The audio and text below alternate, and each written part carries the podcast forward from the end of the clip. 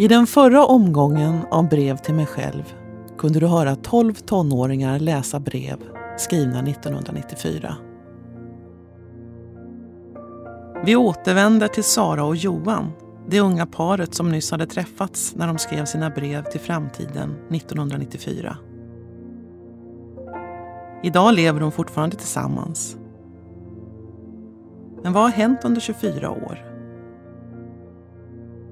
I sina nya brev från 2018 reflekterar de och blickar tillbaka. Var livet egentligen så som det framställdes då? Johan berättar idag om det han inte ville berätta 1994. Johan och Sara har valt att inte själva läsa in sina brev. Hej du gamle! Det var med förvåning och förundran jag för fyra år sedan tog emot brevet från den mest oväntade av avsändare, mig själv. Mitt yngre jag för 20 år sedan, som i ett välsignat ögonblick av klarhet och genom tillfälligheter eller ödets försyn skickat en tidskapsel av känslor och minnen framåt i tiden, till mig själv, till sitt äldre jag. När jag lyssnar på orden från mig själv fylls jag av minnen och känslor från den tiden. Och det är nästan som att jag står där igen, i mitt yngre jags skor, skakad och rädd inför att svepas med av livets väldiga våg. Men samtidigt med så mycket lycka från livets alla glädjeämnen. Men det är en gestalt som saknas där i brevet från mig själv. Den som gjorde allt för ont att skriva om, vars minne jag höll ifrån mig. För att inte smärtan skulle ta över allt och förmörka de glimrande vackra stunder jag levde i. Vad jag inte förmådde skriva då, för 24 år sedan, var om smärtan efter min pappas plötsliga död. Bara ett halvt år innan det förra brevet.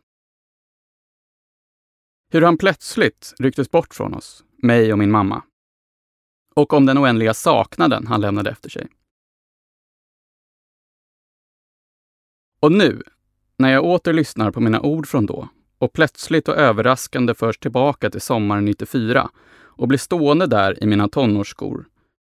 Då minns jag våra stunder tillsammans, hans klokhet och fina omtanke, våra resor tillsammans, skräcken under hans långa sjukdom. Och då väller den över mig igen. Hela den djupa saknaden. Blicken dimmas och tårarna strömmar ner från mina kinder. Så hur blev livet efter den stunden av mörker?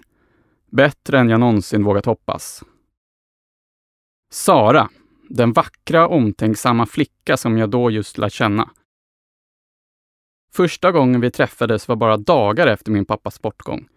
Är nu en lika vacker och omtänksam kvinna och mor till våra tre djupt älskade barn. Ella, Alva och Elvira. Barnen är vår största ynnest och glädje och jag gläds varje dag jag får vakna till en ny dag tillsammans med dem. Som alla som fått uppleva nåden att bli föräldrar vet, ändrar det allt. Lumpen, den stora prövningen som jag fasade inför, då för 24 år sedan, klarar jag av. Med bravur, vill jag påstå. Det var hårt, det var tungt, men det lärde mig den värdefulla insikten att gränserna för vad jag klarar av såväl fysiskt som mentalt, ligger långt bortom vad den rädde 19-årige Johan trodde var möjligt. Och jag är mig själv evigt tacksam att jag tog mig an utmaningen. Så vilka insikter vill jag skicka tillbaka till mig själv om tidskapseln skulle kunna gå i retur? Livet och mycket av det och dem du håller mest av är mer flyktigt än du med dina 19 år kan tro. Många av de vänner du håller mest av och som jag fortfarande kan djupt sakna, kommer glida längre ifrån dig än du skulle vilja, trots dina bästa ansträngningar. Men vet också att du är starkare än du kan tro. Och att du klarar större utmaningar än du kan föreställa dig, om du vågar ta dig an dem. Så ha förtröstan och var inte rädd att ändras, för den du innerst inne är, respekt, medmänsklighet, kärlek, den består oavsett hur allt annat ändras. Lev väl och jag hoppas verkligen att vi hörs om 20 år igen. Din Johan.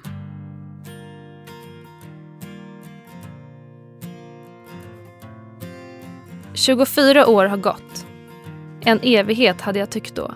Inte alls så länge när jag tittar bakåt. Jag läser mina tankar från 1994 och fylls av värme, respekt och beundran för den jag var då. En ung människa på väg att bli vuxen. Så ärlig och oreserverad var lättare att vara då. När orden flöt fritt och dagboken var min förtrogna.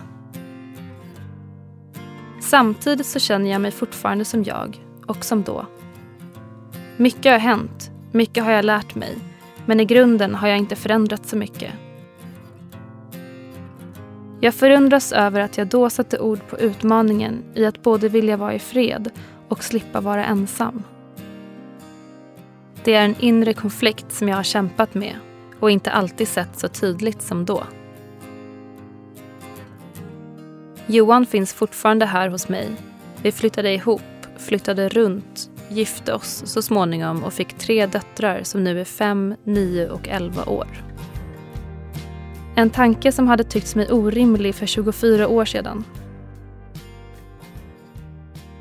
Lisa är också kvar och engagerad gudmor till barnen.